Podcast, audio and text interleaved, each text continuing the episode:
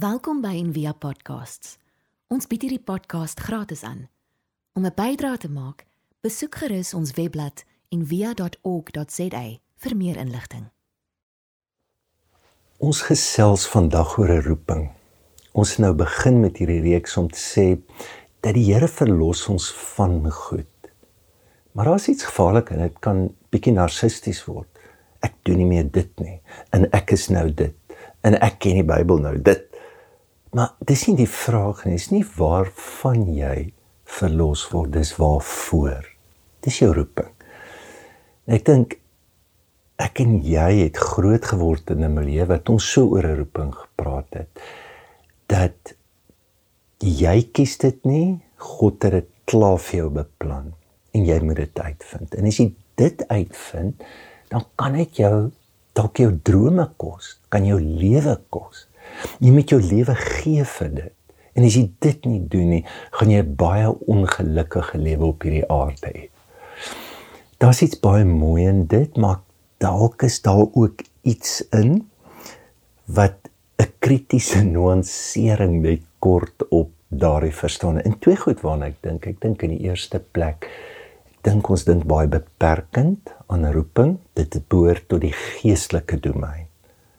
So die Here roep die dominee, die Here roep die sendeling. En ek onthou op kerkraad het ons altyd okay, maar dis die sekulêre en dis die geestelike. Die dominees doen die geestelike goed.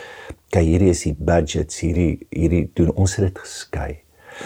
In die tweede plek, ek dink ons se keuses vreeslik beperk. My ouma het gesê dat elke skewe pot het 'n skewe deksel. So as jy trou met jy jou dekseltjie kry. Maar dit nou net is een of keer trou dan mors hy die hele stelsel in die wêreld op. Dan is dit 'n dekselse gemors. of ek weet jonkie Choule sê jy bid met jy jy met die kleurhare, die kleuroë, die intelligensie, die moet jy visualiseer en vir die Here vra wat die Here wil vir jou gee wat jy wil hê. Ek weet reg nie wie dit tyd vir dit nie. Ek dink hy sê eerder hoor die Jesuele kies jy? Hier hoef dit nou blond of brunet as jy gaan probleme hê. Want hulle gaan probleme met jou hê. Ehm uh, maar dit moet ten minste in die beginsels van die woord wees. Dis wat belangrik is. Ja, en al het ons dit ek dink dalk beperk en baie keer verkeerd verstaan. Neem dit nie weg van die feit dat dit ontsettend belangrik is. Dat dit is hoekom jy hier is. Ek bedoel, jy's net hier om geld te maak en happy te probeer wees nie. Jy's gestuur. So ehm um, en ja, dit dit vra van ons 'n roekelose gehoorsaamheid en 'n verbintenis aan my siel wat uitroep na God om te weet wat moet my gawes, wat moet my lewe doen vir God op hierdie aarde.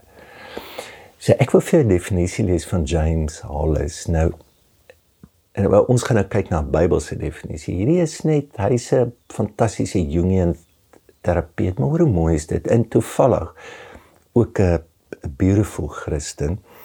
And they say our real desires and our destiny are not chosen for us by our ego. Dis 'n gevaar want jy kan dit egoïsties maak. But by our nature and the divinity. So hy sê dit in hakies want hy weet dis God. Something within us that is right for us and its insistence on an expression is what keeps us awake at night, nudges us from within during our busiest hours or causes us to envy others. Kan kan jy die dringendheid voel daar? Vocation is the summons of the soul It's as if we were sent to this land with a royal assignment. And if we have only dithered about and forgotten the task, then we have violated our reason for being here. Groot vraag. Hoekom is jy? Miskien net drie goed. Jy weet so hoe ontdek 'n mens jou roeping in die eerste plek? Dit kies jou. Jy kies dit nie. Dink maar aan die storie van Moses. So hier kom hy af van 'n mandjie in die rivier en hier is die Farao se vrou. Sy's besig om te aanbid. Sy's besig met reinigingsrite, se teken van God. Hier's haar kind. Hy word groot. Hy's braai. Hy's oulik. Hy het alles om prins te word. En hy word prins. En maar nou kom al krisis in sy lewe en hy kom agter maar dis nie reg dat die Egiptenare die Israeliete so hanteer nie. Hou nie hiervan nie. En hy begin te rebelleer en ons ken die storie. Hy slaan iemand later dood, maar kan jy sien hier's die spore alreeds. Hy sal daar gekies. Moes nie eers 'n brambos wees en toe met 'n vreeslike diep die spore van ons roeping lê ons hele lewe vol. En wat sien hy? Hy sien ongeregtigheid. Nou David Brooks, um, as hy nou 'n roeping skryf, hy sê a number of things can help us awaken your soul to its vocation.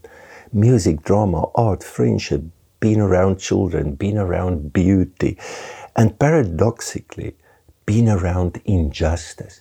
So kan jy sien dit is dit kies ons wanneer ons baie keer in kuns, baie keer om met 'n kind te wees en hy sê baie keer met ongeregtigheid. En dis Moses se.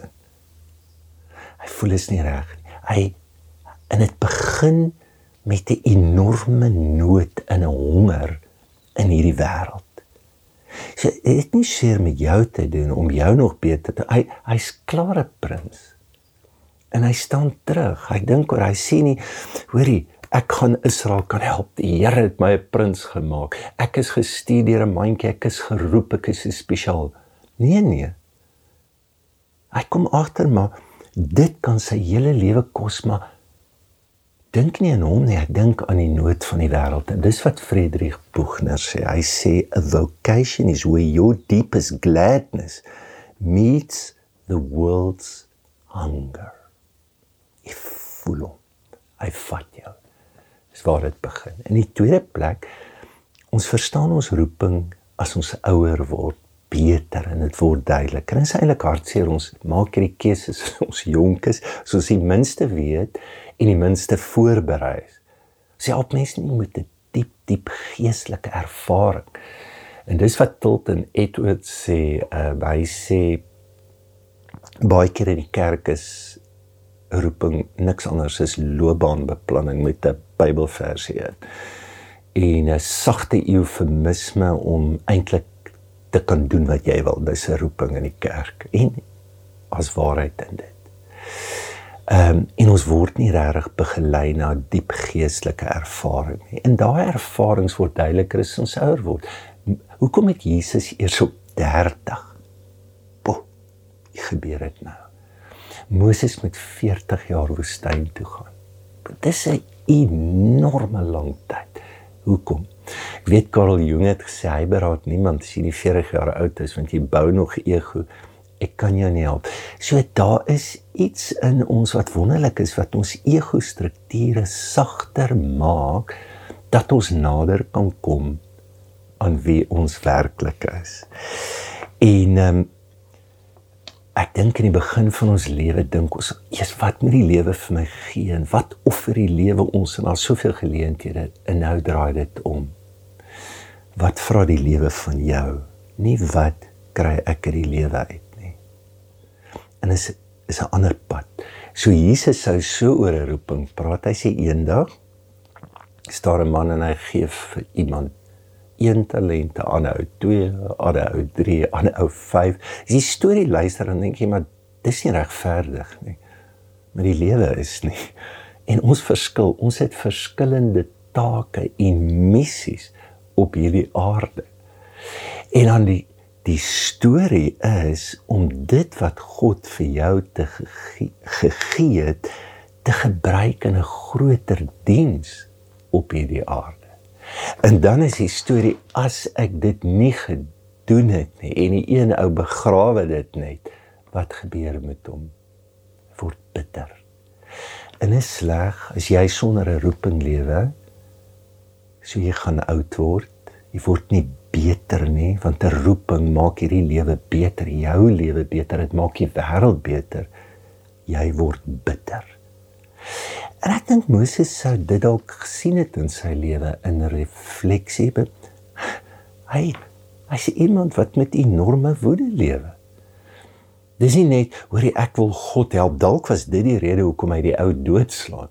Dis wat reg is. Jy sien jy kan nie geweld met geweld regmaak nie. Jy, jy jy kan nie woede met woede regmaak nie. In baie roepings word gebore uit 'n verkeerde plek. Hy's kwaad, hy's verbitterd. Hy God moet dit eers in sy lewe verander. En die dieper waarheid ek ja, hy ek moet dit alleen doen hy voel dalk alleen. Dit gaan nie oor die woede nie. So wat is die diepste motivering van die dryf in jou roeping? Kan ook baie redes wees. Maar as jy ouer word, kom jy nader aan dit.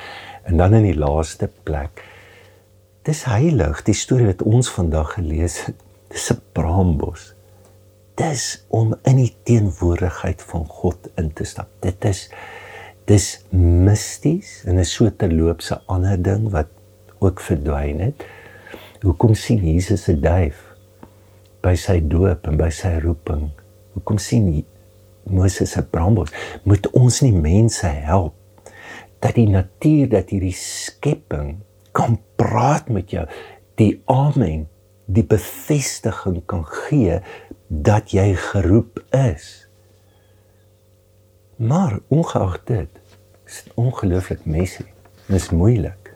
So wat is Moses se groot ding? Is ek 'n Israeliet of is ek 'n Jood? Dis groot ding.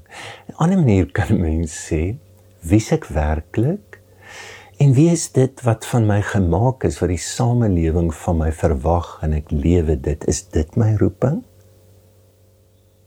Of is dit wie ek werklik is? So hy ontdek wie hy is. Hy sê maar ek is 'n Israeliet en nou kies ek kant vir hierdie kant. Maar dis waar sy gemors begin. So ek wil hê jy moet weet dat die reis met God is hierdie reis en is baie moeilik en ek dink dis hoekom jy sê maar neem jou kruis elke dag gaan elke dag dood. Dat daar iets in ons of die Egipte gedeelte moet doodgaan, moet val, moet sterwe sodat ons nader kan kom aan wie ons werklik is.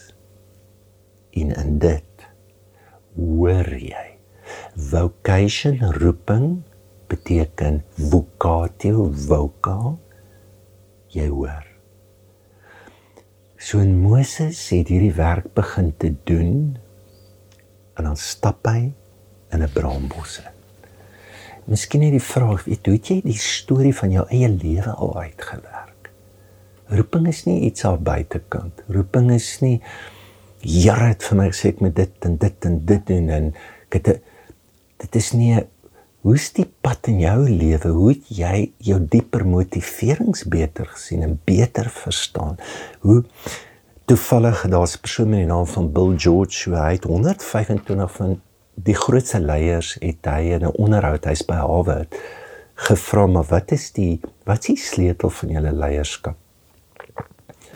is nie waar ek swat het nie. Is ek het gekom om die storie van my lewe beter te verstaan. En ek word gedryf en gemotiveer deur die ervarings van my eie lewe waarbinne ek God ontmoet het. Dis nie die buitestem. Dis die binnestem wat my bring na wie ek werklik is. Wil jy nie vandag dink in jou roeping nie?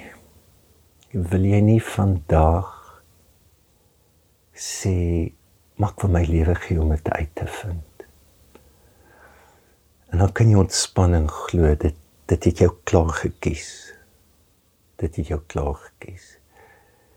En wil jy nie terug kyk na jou hele lewe Moses se hele lewe is verborge is ontvou in in die storie van sy lewe. Dis klaar daar. En dat jy God kan vertrou vir 'n braambos. En dat dit sal gebeur as jy reg is, dan hoor jy. Kom ons bid saam. Here, dankie vir u stem, vir 'n roeping. En wil U ons help om dit te hoor. Amen. Baie dankie dat jy vandag saam met ons gekuier het. Dit was baie lekker. En as jy nou so voel, dan kan jy ook um, deur SnapScan gee of jy kan sommer op die web kyk. Al ons details is ook daar.